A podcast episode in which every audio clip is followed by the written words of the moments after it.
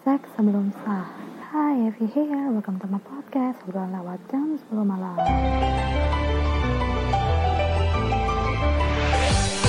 Hal apa yang memicu seseorang untuk melakukan seks?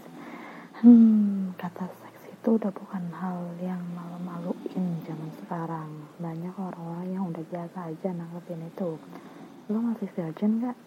Cewek kalau ditanya kayak gitu auto murka dong. Kan gak sopan ya biasanya orang yang nanyain itu juga agak sungkan. Tapi karena budaya di sini udah ke barat-baratan jadi well ya udah biasa aja. Nggak munafik juga kok gue pernah tergiur untuk mencoba seks. Kalau gue lihat bayi yang lucu gitu. Tuh dalam hati gue terasa pengen ayo ayo ayo. Hmm, tapi untungnya pacar gue sih kuat iman ya alhamdulillah. Jadi enggak dia benar-benar nggak mau sampai sebelum kita resmi karena seks itu candu sekali lu coba pasti lu bakal terus-terusan ngelakuin itu.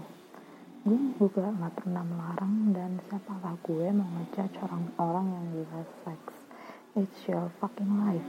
Live it to the fullest and if the things you love the most is sex so be it.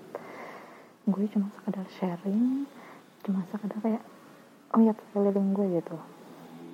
Ngebahas ini karena emang zaman berubah kalian yang merasa ini keren dan mau jadi bangsa milenial silahkan. Dan buat kalian yang masih mindset zaman old juga well pertahankan itu. Karena beberapa karena emang seks itu sakral.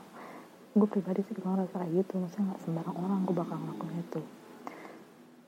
So gimana pendapat kamu soal seks sebelum sah? Pernah nggak